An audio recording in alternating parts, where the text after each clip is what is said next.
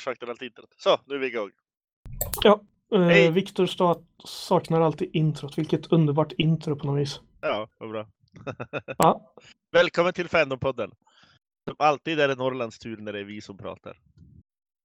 För första gången på hundra år känns det som. Ja, det är okej. Ja, det är typ mm. i våras för det senast. Så att, kul att vara tillbaka. Woho!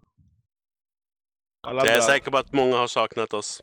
Jo. ja Alla jag våra typ oss. tvåsiffrigt antal lyssnare. Och jag har Ja, men- saknat er kan jag säga. Ja, du säger. Och Jag har saknat er och jag har saknat mig själv också. Du ser Viktor, vi har alla saknat oss. Ja, Wow.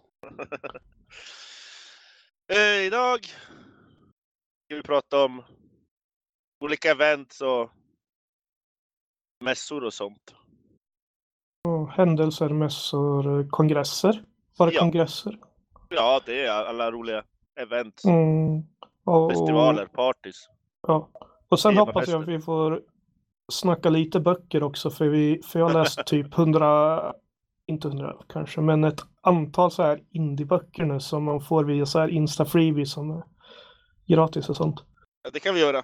Om vi har Yes. hinner med, förhoppningsvis. Mm. Ja, vem vill börja? Nina, vill du börja?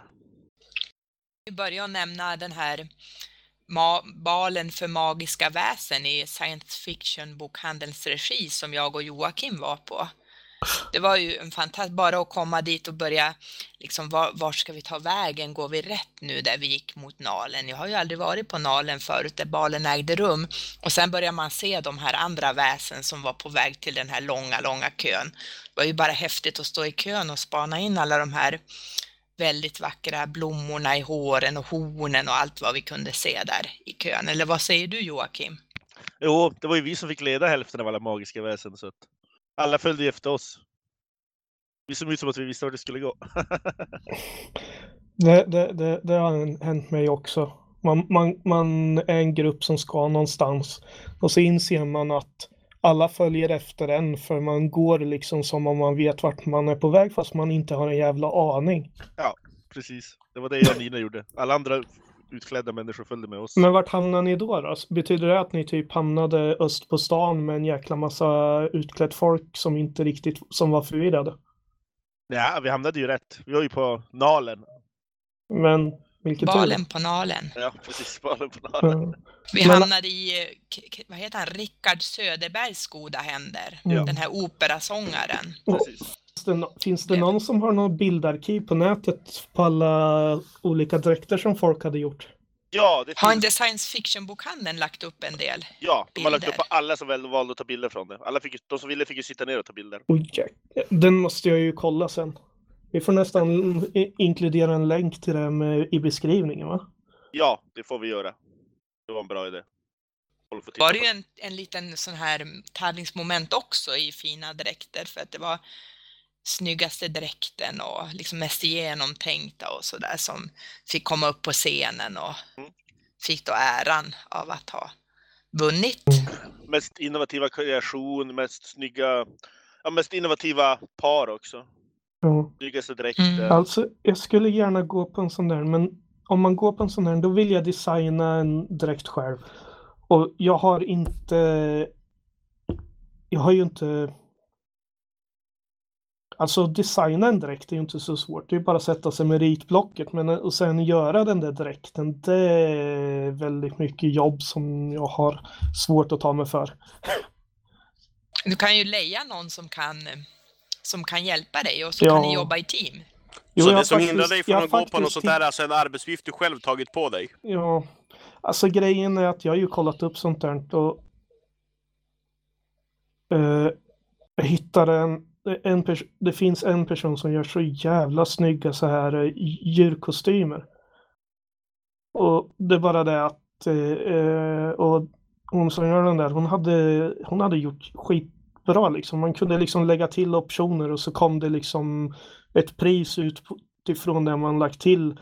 Så jag gjorde en och jäklar, vem fan har råd med det? Så jag tog bort typ allt, allt, allt runt omkring och fortfarande så var det ju över, över 15 000.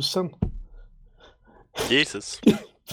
Då Men kanske det är är, han- mer realistiskt att göra men det men själv. det, det är liksom, det här är en person liksom. Det är hantverk och det är jävligt snyggt hantverk. Om man säger så. Och välgjort hantverk. Jo, det var väldigt många. Mm. Ja, det är väl som med allt annat att ska vill man ha det bästa hantverket så får man betala för det. Ja, antingen det eller lära sig själv. Och det är inte alltid det Skulle du inte lättaste. kunna göra någon slags mittemellan då? Köpa någon så här typ fabrikstillverkad halvtaskig kostym och så förbättra den själv? Som någon slags övningsuppgift? Alltså det skulle man ju kunna göra. Men eh, det är ju... man måste ha Typ material. cosplay-motsvarigheten till att sätta flames på en Volvo Ja. 240. Ja, ja, typ. Nej, men alltså det är ju det. Man, även om man bara köper, man kan ju köpa huvudet och armarna till exempel. Eller handskarna liksom. Man får liksom de här klorna och det här ansiktet. Och, och det är bara det att det är fortfarande extremt dyra saker vi snackar om här. Öh. Jag Ja, vad klädde nästan vi ut oss det. till Joakim? Hur löste vi det? Vad var du för någonting på den här balen? Jag var ju uh, snusmumriken. Mm, och då hade vi faktiskt, tror jag, fixat fram en Peter Pan-hatt och en Robin Hood-hatt. Minns Ja. du vilken vi valde av till dig då? Mm. För det var Peter Pan-hatten, men vi fick vika ut den lite Ja. så att det blev riktigt bra slutresultatet där. Ja. Jag var ju Mm. ett skogsrå och Joakim var snusmumriken, ja, som han Du sa. var typ ett militärt skogsrå. Lite Där modernt. du Ja, ett modernt rygg då? skogsrå skulle Modernt? jag vilja säga. Skogsrå 2.0. Ja. Militärt? Ja, det var militärmönster på mig så att det, jag var lite, Okej. lite, det var kö- köpt, köpt på Club Camwear. Mm. Eller Cam Clubwear tror jag det heter Ja, till och med. Camo. På Drottninggatan Vad- finns det en butik Och det där. stavas, som- kam stavas C-U-M. Som i kam. Mm. Seriöst? Ja. Det känns... Men det är en jättefin butik så att om ni ska gå någon, på någon trevlig bal eller någonting så passa på att kolla in den. De har jättefin, mycket steampunk Jo. inspirerade Ja. saker och Lite annat. mörka kläder, lite alternativa, lite BDSM, lite lack, lite läder. Det- Allt går i mycket svart, lite gotiskt, lite sådana grejer. Och så Ja, längst, längst, Okej, nu förstår jag stavningen mer. ja. och längst, längst in finns det en liten ljusglad uh, sexbutik också. Så ni, ni måste ju Så ta ledsna med mig kläder och glad sexbutik. Typ, ja. Det lät spännande. Alltså när jag Jag besöker... kan ta med dig när du uppsöker Stockholm David. Ja. Det jag låter visar dig som den en butiken. jättetrevlig. Ja, det var jättefint. Jättetrevlig butik. Och hon är väldigt trevlig, hon som sälj, sålde den här dräkten som jag hade för att hon erbjöd sig att sy om den lite till mig bara och jag behövde inte betala några extra så att hon det var väldigt så här, Mm. väldigt bra och s- kunde se direkt vad som behövde göras Mm. extra på min dräkt. En det kan rekommenderas. Får lägga upp en, de, har ju, de har ju en eh, webbsida också så att man får lägga upp en lägg på. Det är mycket sådana här Mm. krås och och kluset till vampyr och allt lite, Mm. lite ad, 1700-tals adelskläder och mycket skor. Alltså de har ju alternativ grejer. Camp Clubber är en jättebra butik. Jag hittade ju, jo, jag köpte ju lite, vad köpte jag för kläder? Jag köpte en par mjukisbyxor som var gröna. Du, hade, du, ja, du köpte åt mig någon sån här Någon sån här tunika då, Tunika, grön precis. Ja. tunika. Mm. Precis. Eh, Jag, jag slängde upp en länk också som ni kan lägga till i beskrivningen om ni vill på den där som jag snackade om. jaha. Ah. Okej. Ja. Har vi någon slags länkdump på, för den här äh, podden än? Jag minns att vi pratade om det för hundra år sedan, men jag vet inte om det någonsin blev av. För det känns som att det vore smart när vi pratar om massa olika saker. Vi la väl aldrig upp någon sån länk, men det kan vara bra idé. För, för övrigt, för övrigt eh, Viktor, så gav du oss eh, veckans, eh, veckans titel. Flames på en Volvo 240. Bra att jag kunde bidra med någonting. Annars så kände jag att det här ämnet inte var riktigt min största hemmaplan. Så att, det Mm. har jag gjort mitt för den här gången. Mm. Ja, men, mm, och ba- men balen var helt underbar. Det var ju inte sitta ner och äta och ha tråkig bal, utan det var buffé och ståbord och dans. Och underhållning. Det var det som Mm. var det Hur som... skötte jag mig då jag fick dansa en vals där med dig? Skötte jag mig bra Joakim? Jo. Du sa ibland sträck på dig kommer jag ihåg. Ja, jo, det måste man alltid göra. För våra lyssnare kanske vi skulle förklara att Mek är något av en dansnörd också. Jag är Ja, han är ju danslärare. Ja, precis. Så det är Dansinstruktör. väl ganska dansnördigt. Dansinstruktör heter det faktiskt. Ja, men det är väl samma sak. Ja, jo, jag vet. Jag vill bara har man nytta av på baler Ja, jo, faktiskt. Faktiskt. Jo, jag tycker det är bra. Och så man ska, det säger alltid åt mina andra danselever i andra danser också, sträck alltid på sig. Det gör ju inte jag heller. Så. Jo, det gick, det gick väldigt bra.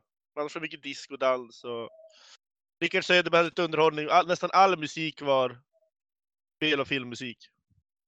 Det var bara... Mm. Jag kommer ihåg att vi försökte så här placera låtarna som kom. Var kommer den här ifrån? Och var kom den ifrån? Och så det var ganska kul. Allting var ju som sagt Ja.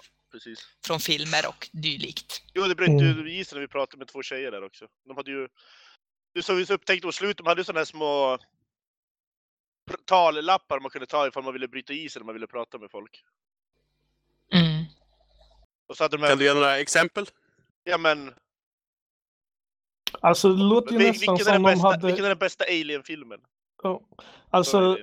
Alltså det låter ju fyra, då nä... startar du en bra diskussion. ja, alltså, det, det låter ju nästan som det där eh, eventet, liksom som att det förväntas att det är socialt inkompetenta nördar som kommer vara där. Vad ska man säga åt det då? Då känner sin målgrupp. Eh, ja, det kanske de har rätt i, men jag vet inte. Det man kanske stämmer på mig i alla fall, jag vet inte. Ja. När man vill gå dit själv och så känner man inte, då är det ju svårt att liksom våga prata med folk. Ja. Och det, vi träffade ju en tjej som hade väldigt snygga vampyrtänder Ja, som faktiskt hade kommit dit själv, berättade ja hon. precis. Så att, och vi, det bröt ju, jag tycker vi fick väldigt bra kontakt med henne. Det, det, vi bröt ju isen direkt sådär. Mm. När vi kom där och frågade bordet ledigt. Man, det var ju fint det där med att man stod och åt, för då var det ju som bra att ta, lätt att ta kontakt så man kan gå runt lite och inte är låst och sådär, Mm. tycker jag. Precis. Så det lät ju som en ganska bra pick-up line. Så här, vilka vackra vampyrtänder du har. Ja, Jag undrar hur det kom sig att vi började, började prata om vampyrtänderna. Det kanske var en sån, jag minns faktiskt inte. alltså, Men det var, alltså, vi- hon berättade ja. om dem, jag tror det var. Alltså, det är ju inte det är ju inte lätt att göra snygga vampyrtänder som inte gör som det ser ut som man har en stor snusprilla under läppen väl? Det kan det ju inte vara. Nej, det kanske är en poäng. Ja, eh, Man kanske måste typ fästa dem på insidan på något sätt. Jo, kan jag tänka man, man, har, man, har snyggare. dem ba, Eller typ klistra fast dem. mm, man har dem typ på, eh, vad blir det, sexan tror jag. Ett, ett sexan och två sexan tror jag. Har du gått hos tandläkaren för många gånger eller varför kan du faktiskt de där konstiga siffrorna som tandläkarna säger? typ- Jag blir alltid superförvirrad Jag av tänker dem. bara det går typ tandläkaren tre gånger i månaden minst så jo. jag har, ett- det är, ett, det är uh, visdomständer längst bak, sen är det väl sjuan tror jag, sen tror jag sexan som kommer, jag tror det är så. alltså, det, det här är inte... int- Ursäkta. Ja. Eh, Men det här är inte så intressant. det är väl vart man sätter tänderna så att säga. Så att. Ja, Sen var det, var det ett litet sidorum också man kunde lyssna på lite konsert, man hade lite opera, nördsång och en tjej som var jättebra på att spela vad heter det här jättestora instrumentet? det det är lyra? kontrabas. Eller lyra. Man sitter där och spelar så. så gamla, Harpa. Eller harp, harpa. Harpa, tror jag. Harpa Harpa var ju fantastiskt fin. Ja. Och så var ju Ursula från Lilla Sjöjungfrun var där uppe på scenen och svängde runt. Mm. Hur tusan kunde hon svänga runt? Nej, hon, alltså, med- Hon tog plats vet du, hon var stor, stolt och stor. ja, Fin. men hon har ju bara tentakler. Det är klart, tentakler. Ja, kan- det var det jag menade. De räckte överallt så de fick komma, komma på plats på scenen. Ja, just det. mm, Just det. Hon var ju, Häftigt. var, det, var det synt hon spelade eller vad var det? Jag tror hon sjöng, hade någon show eller Ja, det någonting. kanske det var. Hon showade Ja, det liksom, rörde var. sig Ja. så här. Ja. Hon sjöng eller spelade synt. Mm. Det känns... Hon, jag tror inte Oklart hon spelade synt, hon, hon liksom showade, Jaha. tror jag. Vad for, Om jag inte minns vad fel. for Dreamkören där? Nej. Inte, de kanske var där för mig som privatpersoner, kanske Mm. var, det vet jag inte. Men... Mm. Nej, Nej, det var, alltså för Foro Dreamkören det är ju en enormt bra kör som brukar sjunga på science fiction-kongresser. Mm. Där- Ja, vi kanske ja. ska gå över till lite science fiction-kongresser då och prata lite om det. Så. Ja. Ja. Ja, vad säger jag var väl klar om balen så att... Ja. Foro Dream är väl för övrigt um, Tolkienföreningen i Stockholm. Om jag inte missminner mig. Jo. Jag är lite upprörd över att jag fortfarande inte kommer på något bra Askungen-skämt apropå bal.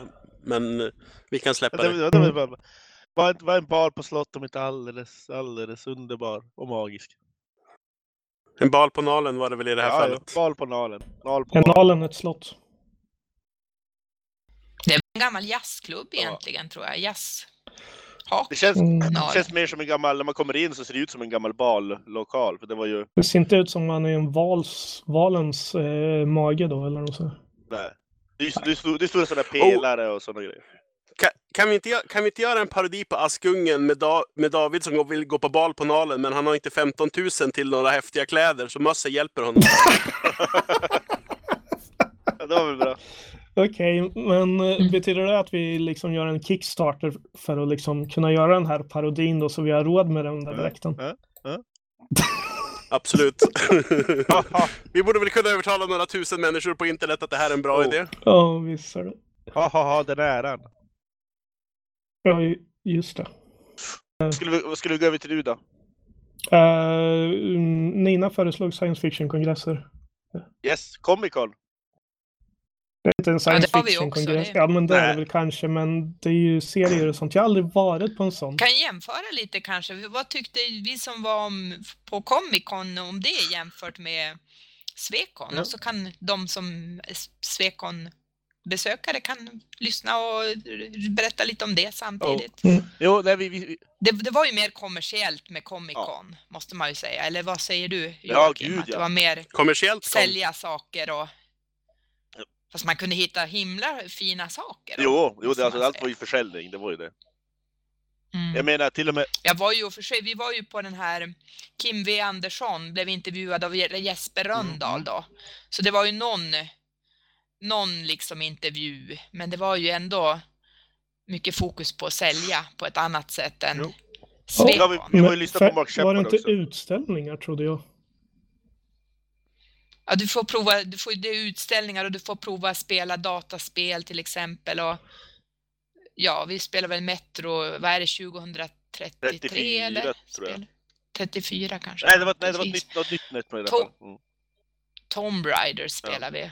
Det enda jag lyckades något så när var, var ju Spindelmannen-spelet. Hon var till och med bättre än mig. kom i alla fall på hur jag skulle hantera konsolen. Liksom, så att det, men man nybörjare, man måste prova även, våga prova, Mm. gå utanför comfort Ja, zone. ni, Nina spelade knappt tv-spel, hon var bättre än mig på Spiderman. Hon gick snabbare liksom. Äh, I början, alltså jag kom bara på fortare, Ja, sen kom ju du ja, ifatt. Men Är, Kom är det bara bara på jag allt som är man sugen kunde på att skaffa en PS4 bara för att spela Spiderman-spelet? Det verkar sjukt Jo, jag häftigt. också. Nej, jag, jag, jag vill inte ha någon av de där konsolerna.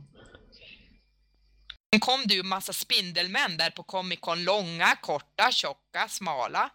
Det var något jubileum, var det inte det? Så att Play- de fick Playstation- några Nej, dräkter. Playstation 4 gjorde reklam, eh, gratis reklamkampanj. De gav ut massa gratis uh, Spiderman-dräkter och slå Guinness rekord. Flest Ja. Spiderman på samma plats. Det var ganska kul. Man bara, en Spiderman, en Spiderman till, fem Spiderman. Det var ju Så, man Det där lät som en barnbok eller någonting. Mm. hur Barnen lär sig räkna med de Spiderman. skulle kunna göra en dryckeslek som leder till ordentlig fylla med andra ord. Mm. Eh, de hade ju cosplay-uppvisning och sådana också. Så att, mm. men Mm. Det var ju mest att sälja saker, det jättemycket intressant. Ja. Och, Jag tror att när man cosplayar, att är det inte så att det enda man, man måste ju som till, alltså i riktiga cosplays, precis som det här var, då är, får man ju liksom, allt ska vara egentillverkat. Det är ju inte som på balen att man kan köpa en direkt och göra om den. Jag tror det enda man får ha är typ underkläder och kanske strumpor möjligtvis, som inte är egensydda. Jag läste faktiskt om det efteråt. då är Mm. det till och med regler, man får Men, men är vad man får på sig händer om man designar en sak själv och sen låter en hantverkare göra den? Jag är faktiskt osäker hur, hur det funkar, men jag, jag läste om det där att cosplay, att det, det, du måste tillverka så väldigt mycket, alltså alla små detaljer och du får ju poäng varje liten söm, liksom. allt har betydelse. Mm. Kan ju säkert vara olika från ställe till ställe, liksom, att de är olika strikta. Mm. Jo, säkert. Ja, men Så det är, är det ju nog. så, man, om man har en, eh, en person som designar, det måste ju gå att ställa upp som ett lag kanske. Ja, rimligtvis. Mm. Speciellt om det är liksom ofta har ett väldigt speciellt utseende eller kroppsform eller så här för att cosplaya som en viss karaktär. Så är det väl rimligt att designern inte ska kunna, liksom, alltid kan ha på sig sina egna kläder. Ja, eller och, vad man ska och säga. sen finns ju det här att det, det är en konstform att föra sig i sådana här dräkter ofta. Liksom till exempel om man har en dräkt med masker, då måste man ju uttrycka sig så mycket med kroppsspråk och så. Vilket jag tycker är Ja, väldigt visst. fascinerande. Kommer ni ihåg den här um, ugglan på, på Worldcon? Eh, Jag tror det, jag har för mig, var, var det någon som vi, jag har för mig att vi pratade om någon där som Ja, hon, hon, Ugglan, ja, hon var jag har utklädd så här till- vagt minne. Hon hade en så otroligt häftig uggledräkt på sig. Och liksom, det märktes ju på henne att hon, hon var van liksom eh, cosplayare därför att hon var väldigt bra på att uttrycka sig ut, eh, med eh, kroppsspråk. Jag menar, hon, hon, Mm. hon, hon sa ju inte ett ord.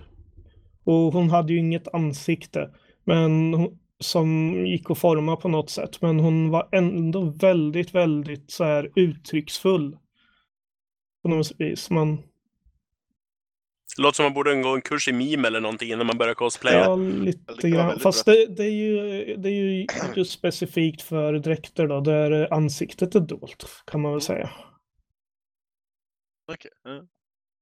Jo, lite grann bra, för det var ju, på, det var ju två typ sådana spöken från uh, Spirited Away. Mm. Och så kom Deadpool dit och skulle försöka skjuta dem. Det gick inte så bra. Nej. Fånerier. Ja. Ah. ja, men, Apropå Spirited Away, det här är helt sidospår. Jag, jag, lä, jag lärde mig ganska nyligen att det finns en uppföljare på min Ventotoro som bara spelas på ett museum i Japan, vilket gjorde mig lite irriterad över att jag inte kan se En den. uppföljare till? Till eh, min, min, min granne Totoro, det- Totoro av vad han nu Ja. heter, som gjorde. Spirited Away också. Jag kan alla, ja, precis. Det finns ju tydligen en kortfilm som är uppföljare till den, men som bara spe, spelas på något museum. Om är, honom. är, är, är, det- är det en björnbuss eller vad är han? Eh, kattbuss. Och tydligen den här uppföljaren, den har en kittenbuss. Jaha. Jaha, det ser man. Ja. Så att, har ingenting som helst att göra med konvent eller någonting, utan det var bara Ja, jag fast det- irriterad. Jag älskade den filmen när jag var liten nämligen, så jag skulle hemskt gärna se uppföljaren. Jo, vi, vi, vi, vi, vi, vi, råkade ju hamna på Comic Vi skulle ju bara gå på balen egentligen, men Comic Con var ju samma helg. Och vår, vår finska kompisine skulle dit och jobba, så tyckte vi skulle komma dit och hänga på ja. Comic Con med oss. Vi, vi, vi, vi, vi lyssnade på Mark Shepard. Tyvärr så missade jag Mads Mikkelsen, men han var ju också där. Mm. Vi- Vad är det för personer? Vi får skylla på mig för jag var så snäll så här. Jag tänkte, ska jag väcka Joakim för att han sov? Och då tänkte jag, jag sjunger lite så här försiktigt så här. Så kanske han vaknar. Tror ni han vaknade? Nej, jag sjöng inte den värsta, högsta tonarterna Du måste kan jag säga då. bra. Jag tror du har helt rätt i att du var alldeles för snäll. Ja. Vissa, per, Kan konstatera det. vissa personer krävs det armbågar för att väcka. Jag alltså? Ja, kanske. Ja, okej. Ja, ni har ju båda sovit med mig. Så att... Ja, jag har ju till och med sovit i samma säng som dig en gång. Ja, ja, precis. Det, det, det var lite jobbigt, jag hade svårt att ligga still. Viktor är däremot jävligt svår att dela, dela säng med. Han, han rullar alltid mot den. Till slut så ligger han. Jag vet inte om jag skulle säga alltid, det finns typ ett, du har ju gjort det Två typ en gånger. gång. Du rullar alltid så ligger den nästan Ja, på ja, två gånger ingen på gång. morgonen ligger den nästan på mig. Men eh, det är väl trevligt att vakna upp med lite närhet sådär. Ja, jo, men man försöker flytta så man kommer närmare och närmare. Jag trivs i min ensamma säng. Ja, det är bra. Jo, det är Mm. bra. Hur som helst. Jag, Joakim och David har ju ofta delat rum när vi har åkt på olika kongresser. Såna här s- mer traditionella Swecon-kongresser som jag ändå måste säga att jag tycker att de är att föredra framför Comic Con. För det, det är ju så mycket intressanta möten och mycket författare där och man är ju liksom en i mängden mer på ett annat sätt än jag upplever Comic Con. Vad tycker ni, ni som har varit? Vad tycker ni om Swecon? Alltså, jag, jag älskar det. Det är ju en av de få miljöerna där jag är social en hel dag och inte kommer hem helt utmattad på grund av det sociala. Ja, Comic Con skulle du vara helt, alltså, Comic Con skulle du vara helt död av. Så att... Ja, och jag har hört, vad fan är, vad, hur många besökare var det? Över en miljon eller något så här? Nej, det kanske var att ta i, men Jättemånga. det, Men, det är liksom över tusen i alla fall. Ja, precis. Men gå tillbaka till Svekon. Fortsätt. Någonstans mellan tusen och en miljon. Ja. Så det, nej. Usch. Fortsätt, fortsätt prata om Svekon dock. Ja, jag menar, oj, se, jag håller ju helt med Nina. Det är ju helt... Man, man, man, jag, jag har, om det har varit en författare jag varit extra intresserad av så har jag alltid lyckats få tid att prata med dem mellan fyra ögon. Och det, det är liksom... Det, det är en helt annan sak. Man, man är väldigt delaktig i eventen också liksom och man kan ju vara delaktig till större del i, i eh, paneler och sånt. Även om det i en del paneler bara är på slutet. Det finns... Jag tyckte det var så väldigt kul att jag kunde få möjlighet att, jag som är lite nyare än du David på Svekon, att Mm, jag kommer ihåg när vi var på Worldcon ja, och du såg Nalo Hopkinson där i korridoren och så tänkte jag, nu ska David gå och prata, ja men jag hänger med tänkte jag och så satt vi och pratade med henne och det var riktigt trevligt tycker Ja. jag att vi fick. Jag tänkte att det är ju ett bra sätt att man känner någon lite grann och så någon som är lite modigare, att man hänger på liksom. det är helt okej att göra. Det är ju ett perfekt sätt faktiskt. Jo, det känns kul att det sprids som ringar på vattnet. Ja, Ja, jo, all- alla, är ju- alla är ju där på samma nivå, även författarna. Alla är ju där som fans. Man är inte där som, som komiker. Där, där måste man ju betala för att få ta bild med liksom kändisen eller prata med kändisen och sådana grejer. Det kostar någon hundralapp eller så. Men det där är ju liksom, som jag alltid brukar förklara folk med skillnad mellan mässor och svek. Och Det enda man behöver göra till författare, gå till baren och fråga om man får bjuda på en öl. eller köpa deras bok funkar också. Ja, det funkar det också. Då får man sitta och prata med dem. Ja, på boken kanske är svårt för då är det ju kö, men i baren kan man ju alltid bjuda på en öl och sitta och prata sen hela kvällen. Ja. Jo, för det mesta så brukar jag köpa de, eh, böckerna på kongresserna för det, ofta är det ju författare jag aldrig känner till. Jo. Jag har aldrig hört talas om förut. Men sen, sen liksom, eh, eh, det var ju en gång när, när jag faktiskt var lite så här, och det var ju när en Lecky kom, för hennes böcker hade jag ju läst och hon var ju, vilken personlighet! Hon var urhäftig.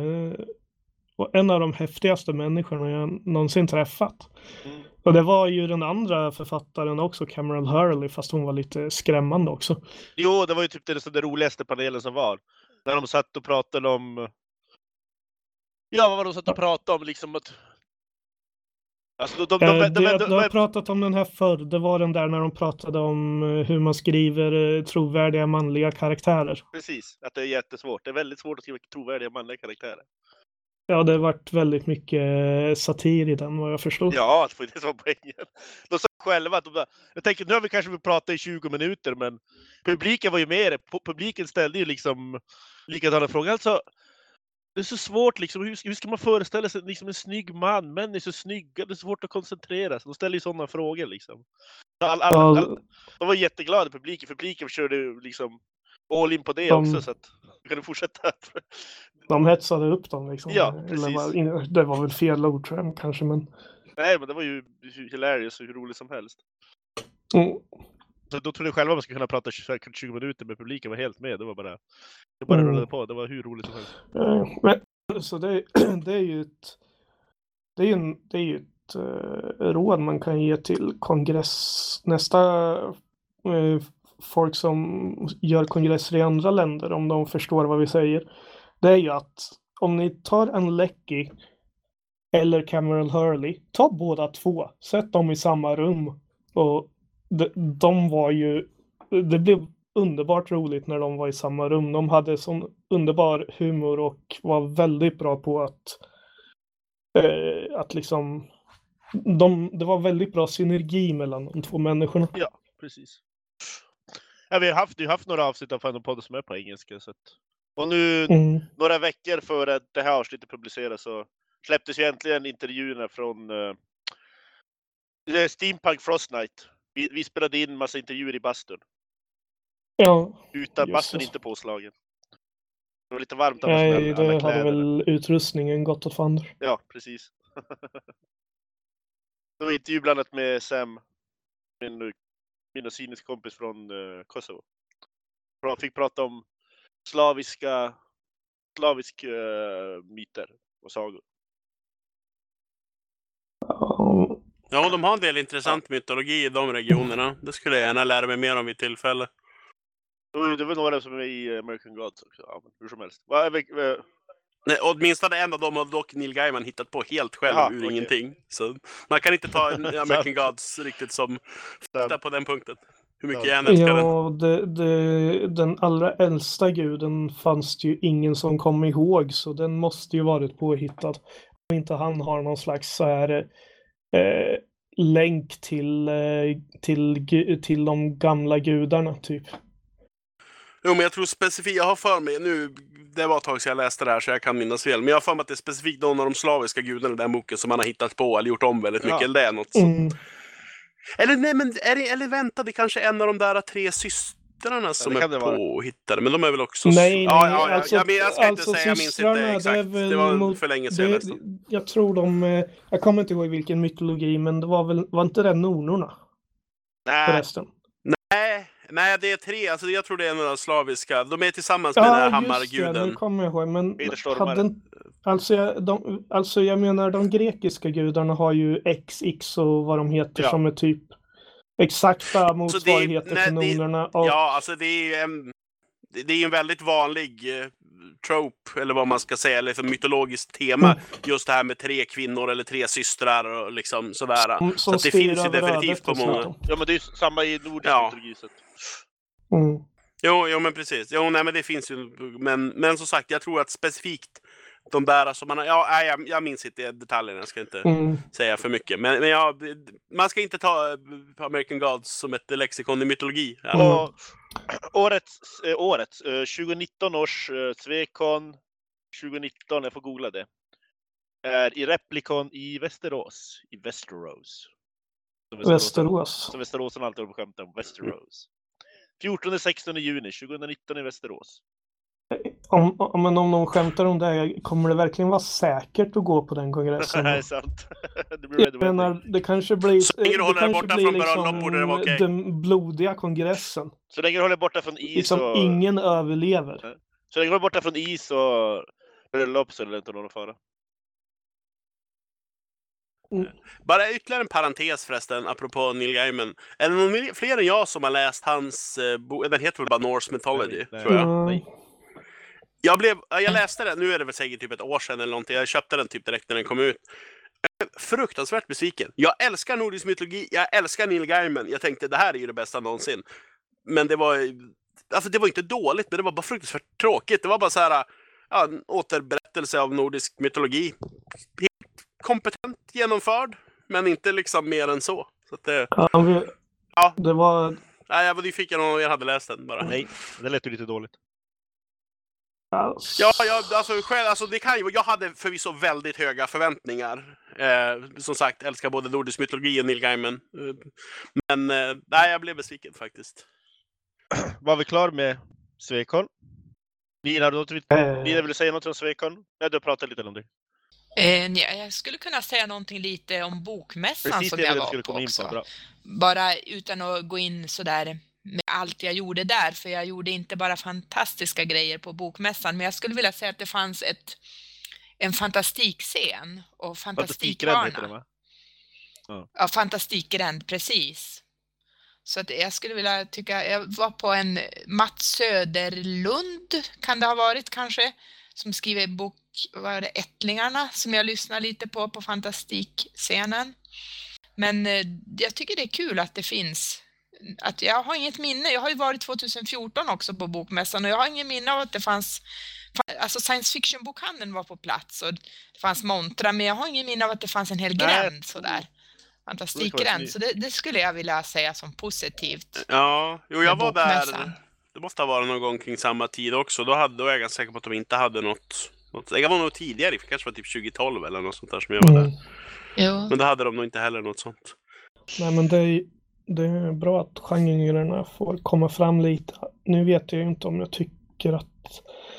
Alltså i och för sig, jag, jag, är, jag är dålig på att läsa den nya svenska science fiction för jag har, jag har en tendens att tänka att den är lika Alltså jag, jag, den brittiska har ju varit överlägsen så länge någonstans känner jag. Så jag har haft svårt att gå tillbaka till och se om den har blivit något bättre i den svenska för, författarna. Men Kristina Hård, har du läst henne? Ja, det har jag. Hon skriver ju skit. För den är ju, jag tycker den är ganska intressant den här, vad är det den heter? Kleptomania Ja. tror jag den heter. Aj, jäklar, jag, har inte börjat läsas. Nej, Nej. det, det är Kristina Hård. Ja, det var det. Eh, hon har skrivit en uppföljare också som heter Eh, vin, eh, Vintersommar. Nej. Inte Vintersommar. Nej, det är för mig. Och jag, Jag är en ja, Pello Podcast. Förlåt. Jag Ja, blandade ihop dig Snösommar heter Hård. Förlåt Eva. Ja. Snösommar heter den. Den det, jag har inte börjat läsa den än, men vilket är konstigt för jag tyckte Kleptomania var väldigt bra. Och eh, Alba var ju helt okej okay science fiction, alltså nog en av de bättre svenska SF-böcker jag läst helt klart. Så, medans, eh, alltså grejen är ju där, jag har läst en hel del rätt bra svensk fantasy. Eh, framförallt Bertil Mårtenssons Maktens vägar och, och faktiskt eh, Kristina Hårds eh, Kleptomania räknar jag där bland riktigt bra fantasy alltså. Men jag har aldrig känt att de svenska författarna har varit på samma nivå som de brittiska. Ja. Efter lite Google Foo. Uh, Fantastikland var första året 2016 på Bokmässan. Okej, ja men då var det före, före Ja. jag åkte dit. Ja, fortsätt berätta om Bokmässan. Ja, bokmässan, jag kan säga lite generellt om bokmässan, för jag, jag var ju där med jobbet så att jag kunde ju inte göra exakt vad jag ville hela tiden, men kanske säga generellt att det är ju som en stor fantastisk rockfestival för bokälskare. Det är fantastiskt. Och man vill som vara överallt samtidigt och man hittar i varje hörn man hittar något spännande, men man, det är ju på sätt och vis som Svekon det här med att det är parallella saker som händer i seminarier, men sen är det ju det där att ja, det är så svårt att välja bort och man ibland när man, det är så stort också så man inte hittar riktigt rätt och då blir det så här, hjälp, var, vart ska jag gå nu? Så här, för att jag vill inte missa någonting så att säga. Och man får väldigt ont i fötterna. Jo, det kan man få och stegräknaren på mobilen går Så, fort så det, var, det, var, det var lite mer som Comic Con, alltså Bokmässan. Än som ett Svekon. Ja, det, du, har ju, du kan ju ha seminariebiljetter och så kan du gå på seminarier, så spår som påminner lite om Mm. Swecon-modellen av eh, mässa. Och sen har du ju alla de här montrarna där du hittar massa spännande saker. Jag kom, fick nys om en ny app som heter Boksamtal som man kan, jag tror han heter Mikael Mikalides, lärare Vårbergs, Vårberg. Och den där kan man ju använda på massa science fiction-böcker också. Det är liksom allmänna, så här, det, den slumpar fram frågor. Alltså om du var huvudpersonen, kan du beskriva hur du skulle hantera en, ja, en oväntad händelse eller någonting. Så att det, den slumpar fram frågor, så den där kan jag tipsa om om man vill göra, ha bokcirkel, att man kan faktiskt ladda hem den gratis, den där boksamtal och använda den vare sig man har läst, den går att använda vare sig man har läst samma bok eller olika böcker.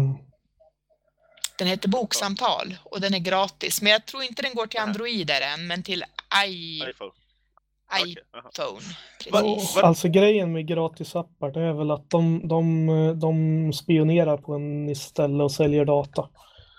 Det är inte gratis. Eller har Ja, reklam. eller reklam. Det kan det också vara. Men ofta gör de båda två. Om det är reklam så brukar det vara båda två. Det gör man ju vart man på nätet. Jag tycker det och för sig är fint med den här appen är att den är tillverkad av skolbarn på en skola och den är, Ja, den är liksom gjord med hjälp av en dataingenjör och en designer och så har de liksom fått göra inom ramen för elevens val. Så eleverna har fått göra ett, ett projekt, liksom ett Ja. entreprenöriellt projekt. Så ja. Jag tycker att det är ändå fint att, att den har vuxit fram i utbildningssyfte. ja men då, då Nu, måste... nu kanske det är jag som är cynisk, men det känns ju som det säger något jättebra om det, dess kvalitet, om den är gjord av skolbarn. Skolbarn brukar suga på saker. Ja, fast det, jag, jag vill nog ändå försvara den, för den, är, den, den, är liksom, den går att använda i skolan, den går att använda för eget bruk och den, Jo. den, de har ju som jobbat tillsammans och med hjälp av en ledare och så att jag tycker att den, jag har kollat på de här frågorna och jag tycker att de, de är spännande. Ja. Liksom, att de är så allmängiltiga men ändå att de får en att tänka till på ett sätt. Så jag, efter, efter att titta på den så vill jag ändå försvara Ja, den och efter appen. att- det jag sa också, om den är gjord på det sättet, då, då är det nog inte så mycket tracking-grejer i den där och reklam och sånt, för det låter ju väldigt, faktiskt som den är helt legitim den här. Och vill man vara säker så finns den som kortlek också, så kan man bara köpa Ja. kortleken och Ja, dra frågor därifrån. Nice. Så det är både analog och digital. Vackert. Ni, Nina, var det du som inte uttrycket rockfestival för bokälskare eller någon annan? Det är faktiskt en gammal Jaha, kollega måste jag ge till. En, en gammal kollega när jag Ja. jobbade i Vallentuna som jag skulle få åka första gången, då sa hon så här, vet du att det är som det här? Och då, då snappade jag upp det och det har jag lagt på minnet så att jag Ah. åter Det hade jag också funkat som en bra titel, men jag tror fortfarande att jag Flaze på, Vol- på Volvo 240. Mm. Jag undrar om det är något mer vi kanske bör verkligen Ja. nämna innan, för att jag tror vi har pratat ganska har länge. pratat. Ja, 40 är det dags för Ja, ja, ja, bokrekommendationer? Ja, ja, jag vill bara, boktips, jag var i helg, har jag, förutom lite danskurs, så var jag även på Umeå Obscura. Alternativ eh, festival. Det var ju väldigt, väldigt, väldigt bra. Det är alltid lika bra. Fyra år sedan var ju bland annat Brukar det inte vara hantverk och sånt på den Ja, också? det är också. Det är sån där black, eh, black market som de har. Lite, uh, vad heter Thomas Ponga som är en av de som håller i det, hade utställning också. Men det är ju alternativ Mm. musikfestival. Ma- Men typ ja, alltså punk, rockar, eller rockar vad säger jag, gotare och alternativstilar och väldigt mycket de och så är det mycket syntmusik och ibland Red Cell och lite annat. Fyra, fem år sedan var det ju Spock och Voltaire och de var ju fortfarande det bästa, men nu var det mycket bra. Det var ett band som sjöng på Meänkieli, men de var lite sådär. Magnet, magnet, magnetites eller sådär. och De var, mm, de var för lite för, det var lite för eh, mainstream Mm. och kommersiellt. Det var riktigt, riktigt bra. Ja, sjunga på meänkieli låter Det var jättekommersiellt och mainstream. mainstream. Det var inte så mycket synt, inte så mycket electronica, wave eller trance eller sådana grejer, utan det var för mainstream. Men den, den var all, alltid jättebra. Vi var ju alla utklädda och lite sånt. Jag är lite besviken. Första gången ingen... Jag var typ den som hade vita tröja på mig. Alla andra var ju svartklädda också. Ingen som gav mig, första gången ingen gav mig komplimang för min leje t-shirt. Jag är lite ledsen. Men bra, nu kan ni få prata om böcker. Du har jag pratat om Umeå Obscura. Ja. Alltså, jag vill nämna en bok som hette The Dragon Slayer Sword. Ja. Och det låter ju som en väldigt generisk eh, generell eh, fantasy-titel. Men eh, det var en fantasybok som verkligen höjde sig över. Det handlar om en kvinna som heter Astrid som är... hon hon eh, blir uppfostrad eh, som smed.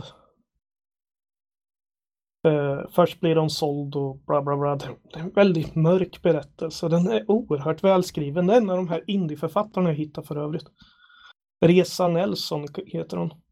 Tyvärr kan man bara köpa hennes grejer på Amazon vilket gör att jag eh, eh, inte läst uppföljarna eftersom jag vägrar köpa saker på Amazon.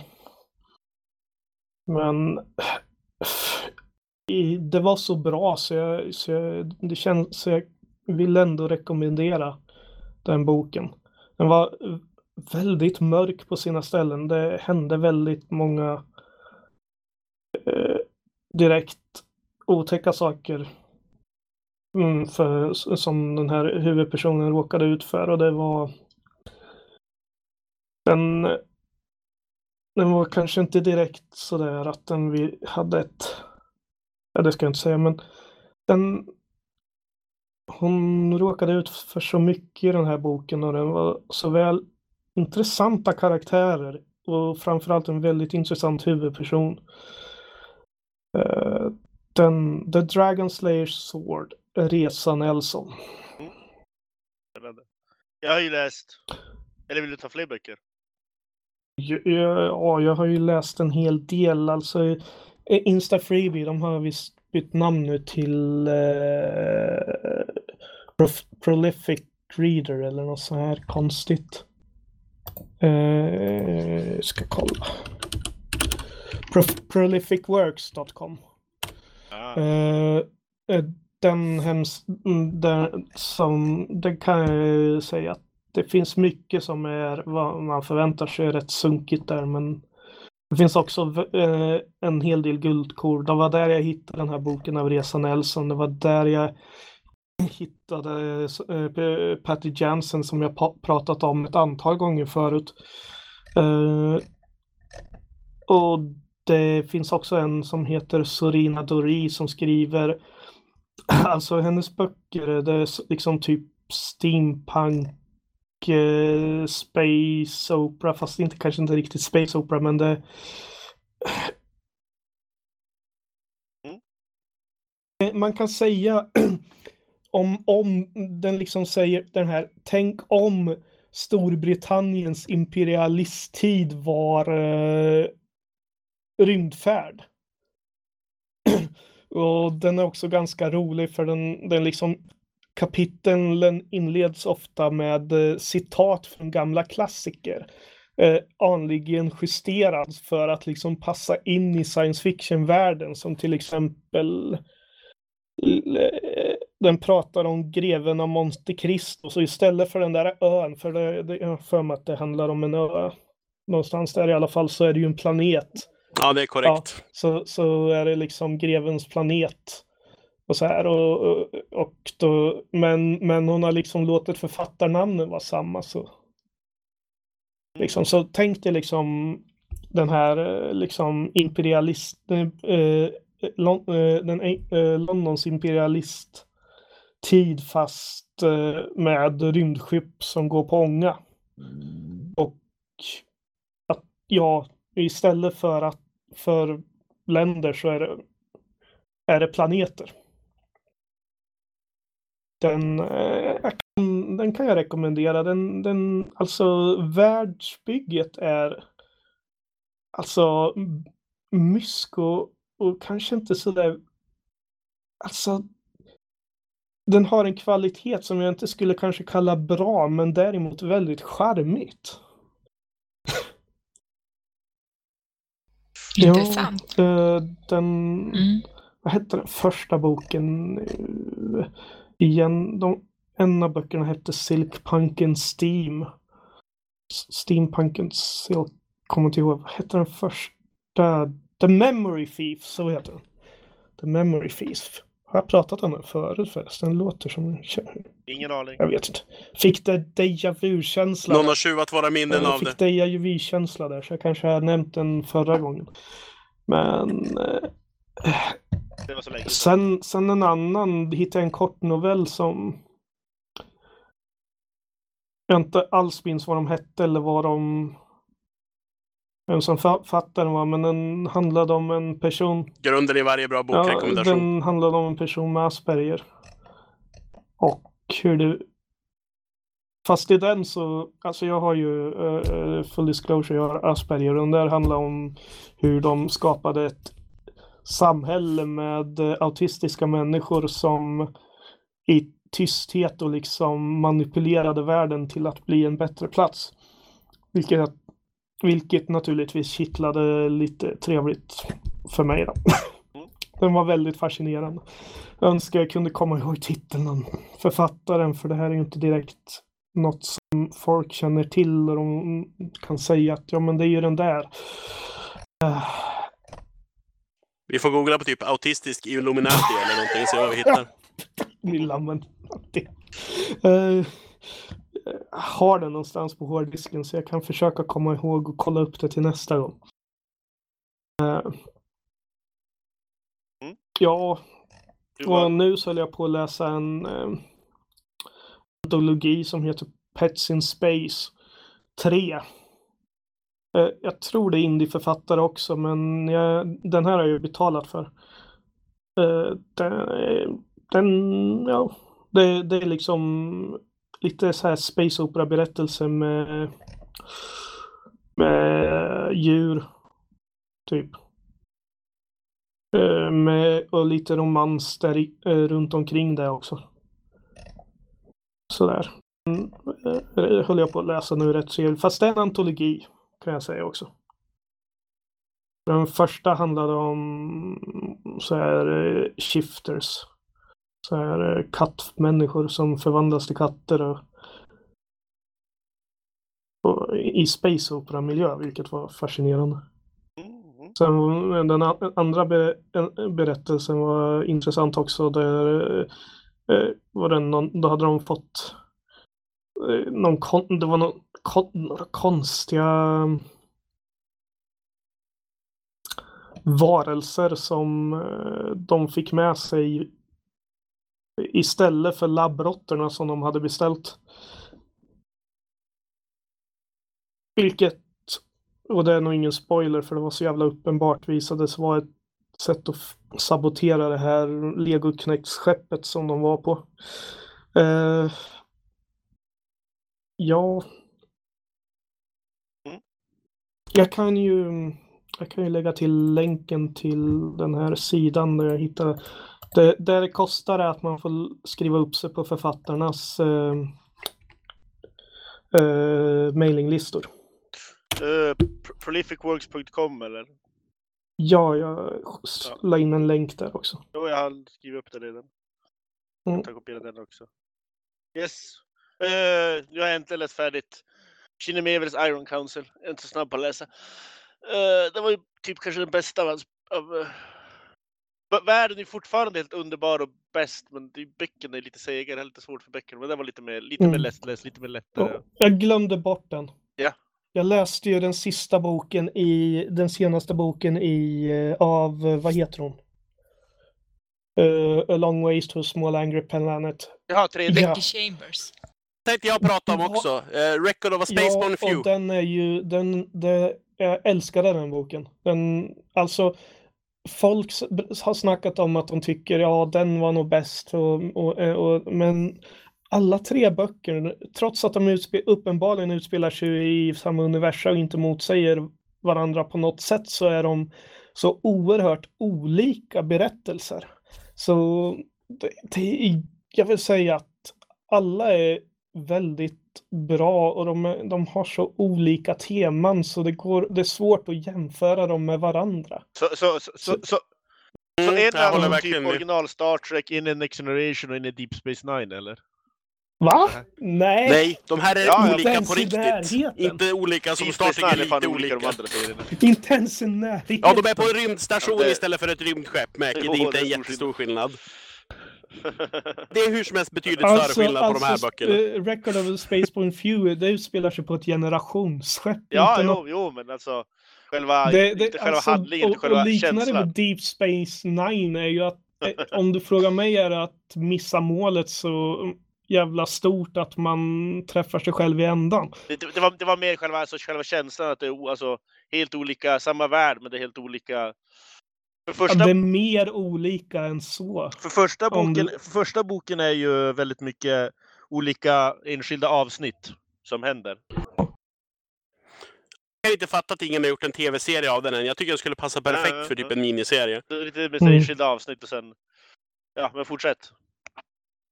Det var det, Ja, vi- det, var det så- vi jämföra sen. Så Ja, fast eh, alltså. Det, det är inte bara liksom att det utspelar sig på olika platser i universet och på olika, i, ja, på olika platser och i olika typer av miljöer. Eh, Det är ju också liksom helt olika typer av berättelser. Mm. Jag menar den första är en space opera som väl kanske går att jämföra lite med Firefly fast inte så jädra dark, in, inte så grim dark som Firefly är. jo, men, jo, men Han klarar Firefly för det var Grimdark. Ja, Jesus men Christ, David. Ja, mina mått mätt är det nog lite grimdark ändå. Federationen är ju ond i Firefly. Okej, det, det är inte så illa som eh, 40K-universat. Men... Nej. Nej. Men det, det, var, Eh. det var det faktiskt, tror jag vi också sa när vi läste det, att det, var- det är väldigt mycket Firefly med första boken. Där. Mm. Mm, det, det är liksom, det utspelar sig på ett privat skepp. Ja. Och, och de är, det är ju inte ett fraktskepp, det är ett tunnelskepp. eh, Ja. Det är ett borrskepp eller vad man ska kalla det. Eh, läs den och så in, eh, förstår ni. Men... Och den andra boken handlar ju om, är ju inriktad på ett par karaktärer och liksom deras livs, liksom hur en person växer upp och blir uppfostrad av en artificiell intelligens efter att ha flytt, eh, eh, flytt en, eh, eh, en sweatshop. Kan man väl sammanfatta Ja, det som. ja. Hur en eh, artificiell intelligens blir uppfostrad av den personen Ja, sen. just det. Eh, Du glömde bort själva Ja, Frames-historien. ja, det var ett tag sedan jag läste det där måste jag erkänna. Uh, rec ja, Record of the Spaceborne Few handlar ju om samhället väldigt mycket på de här generationsskeppet. Eh, eh, Eh, för det första så är det ju ett generations... Det är ju inte så att det är som det brukar vara när det handlar om ett generationsskepp, att de är fast där ute i rymden, utan de har ju gjort... De har ju tagit kontakt med den här eh, vad är det? De kallar det inte för federationen, men det är något liknande. Eh, eh så, ja, så de Ja, har ju tillgång den? till Ja, den. liksom FTL och det, det handlar lite liksom, en del av liksom samhället är ju hur de hanterar det här med att de har en viss avbefolkning därför att folk, mm, en, del, de har, en del människor har valt helt enkelt att lämna den här generationsskeppsflottan.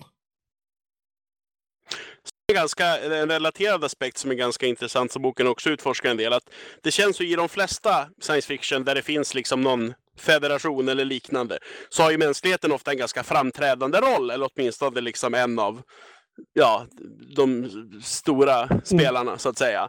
Men här är ju, även om nu har människorna, de blev insläppta i, vad fan är det den heter? Jag kommer inte heller ihåg vad organisationen heter. Relativt nyligen. Och de här eh, ja, generationsskeppen, de som är uppväxta där, är väldigt medvetna om att om inte eh, utomjordingar hade typ eh, armat sig över dem och gett dem en massa teknologi och en sol och så här, så hade de dött ut.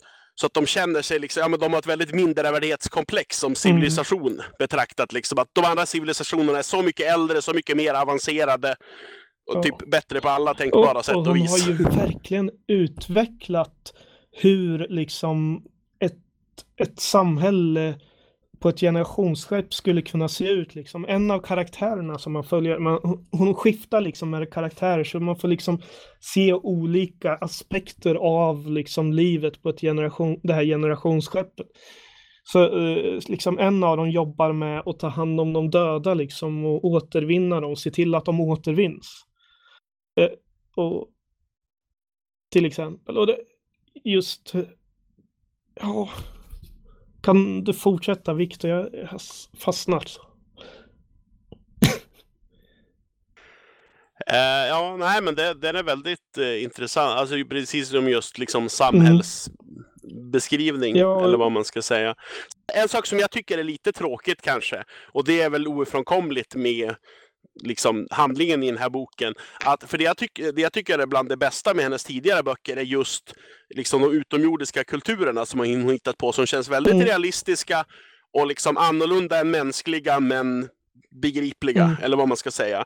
Och den här fokuserar ju i första hand på människor. Det finns en del Mm. utomjordingar som spelar in på olika sätt, men den handlar Ja. ju till, till större Men- delen om människor. Så den Men får jag inflika då att saknas liksom deras samhälle, de ser inte ut som ett vårat samhälle. Den, liksom, samhället har ju väldigt många så här små quirks som kommer av liksom hur det är att leva på ett generationsskepp.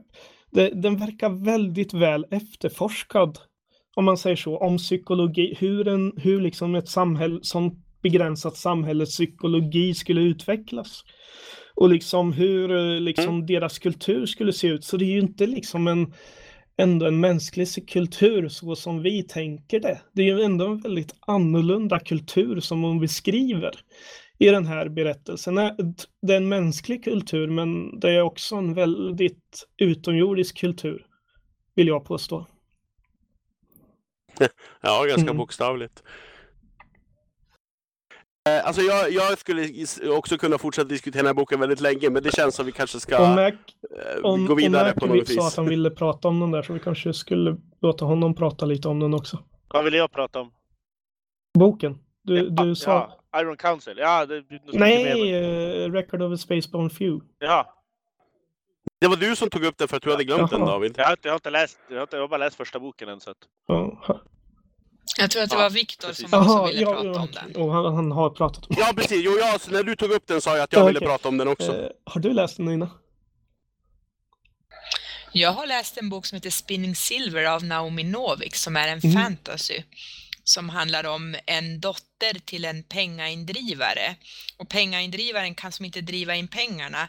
Men då när den här dottern till exempel hör, de blir fattiga och hon hör mamman hostar, då börjar hon driva in pengar och hon visar sig väldigt framgångsrik på det. Det sägs att hon kan göra silver till guld. Och kanske är någon som vill utnyttja det där. Det får man läsa Blir det inte man- inflation efter ett Jag tag tänkte eller vad det inte heter? berätta så mycket mer. Blir det inte inflation efter ett tag eller vad det heter? Ja, det, det är ju väldigt fantasifullt det här, men jag tänker inte, inte berätta så mycket mer om den, för jag börjar tänka att vi snart ska börja Ja, avrunda. jo, fan, jag måste hinna gå till affären nu. Jag kan säga också och för sig att det är den här boken som vi läser. Nästa gång läser vi The Pla- Player of Games, Games av Ian M. Banks och sen gången efter det då kommer vi att diskutera den i Stockholms bokcirkeln. Och vi- har du, Och vi har ju Mm. bokcirkel, Johanna Sinisalo, bara sedan solen sjunkit.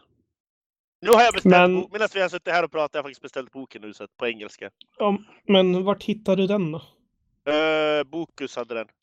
Before, not before sundown. Biblioteket. Och utlånad. Och biblioteket. utlånad också Du, du, skicka länken till eh, Bokus då, Jo, jag får till göra mig det. sen. Jo, jag får göra det. Mm. Jag ha nu på söndag, men jag tror inte ni vill läsa till dess. Men vad fan, vi har inte haft bokcirkel på typ åtta månader. Vi måste ha den Ja, snart ja. oavsett om alla hunnit läsa eller Det inte. brukar bli så. Vi får se. Vi är lika dåliga på att ha bokcirkel Ja, som vi är på att spela in podd. Är det någon mer som vill säga någonting? Eh, ja, men jag kan väl bara ta några Ja, ord om ja. böcker jag har Ja. läst också för att avrunda. Eh, ja, dels eh, som, Ja, jag var inne, men- eller som jag och David var inne på Jag där. måste Jag har nog läst, ursäkta mig nu för jag, jag behöver verkligen Jo, spring, spring du så göra- får Viktor avsluta det han vill säga. Ja, så får du se till att din... eh, Har du somnat Nina? Ja, Det är Viktor som andas. Jaha. Ja, spring, spring du iväg nu. Spring du iväg. Ja, Jag jag, jag måste stoppa min... in- Det, det kanske jag inte behöver förresten. Jag bara lämnar det så här. Ja, ja, du kan väl bara Hej. låta den vara på. avsluta Viktor.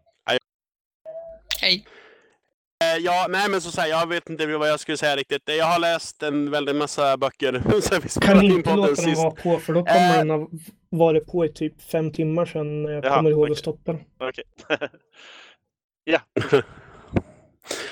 Eh, ja.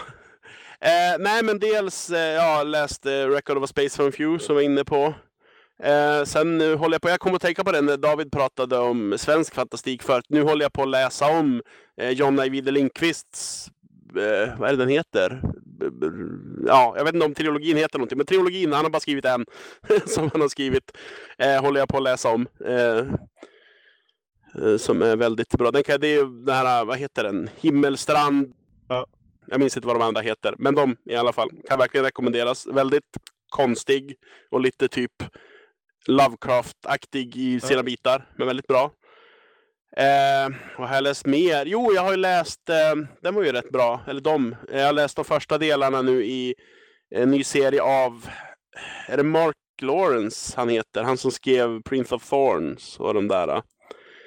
Eh, men det är i alla fall, ja, jag ska inte gå in på böckerna så mycket, men jag kan säga att det är en intressant detalj i alla fall, eller detalj, men en intressant sak är världsbyggandet i dem.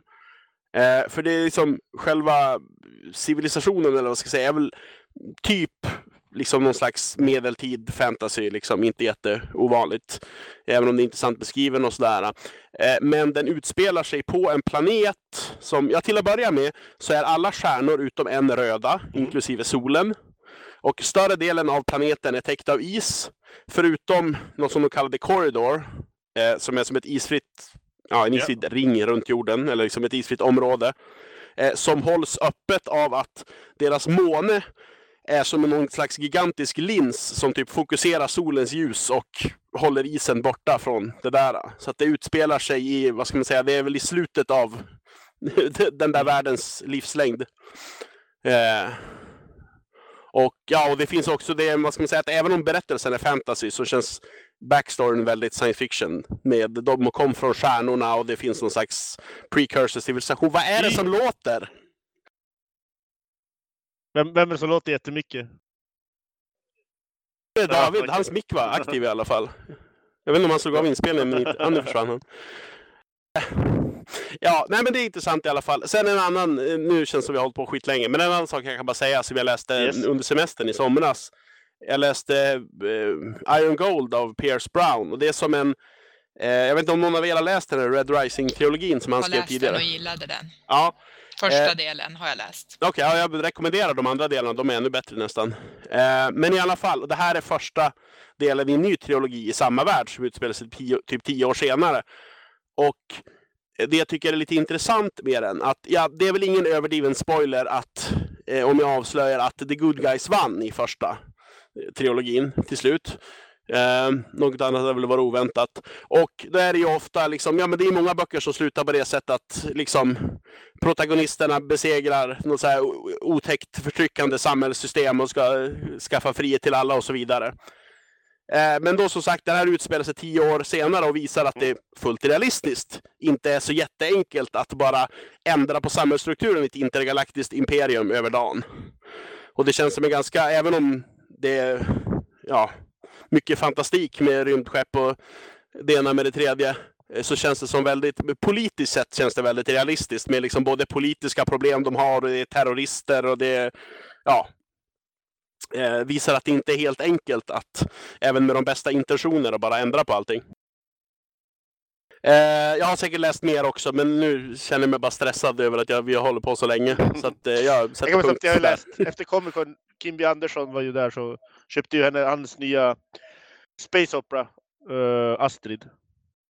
Hon är typ sån där Bounty Hunter som har blivit utkastad från akademin på grund av att någon har eh, satt dit henne för eh, att hon bröt mot, någon var kadett och bröt mot lagarna. Så att hon försöker återfå äran. Det, det är svensk Space Opera Kim W Andersson.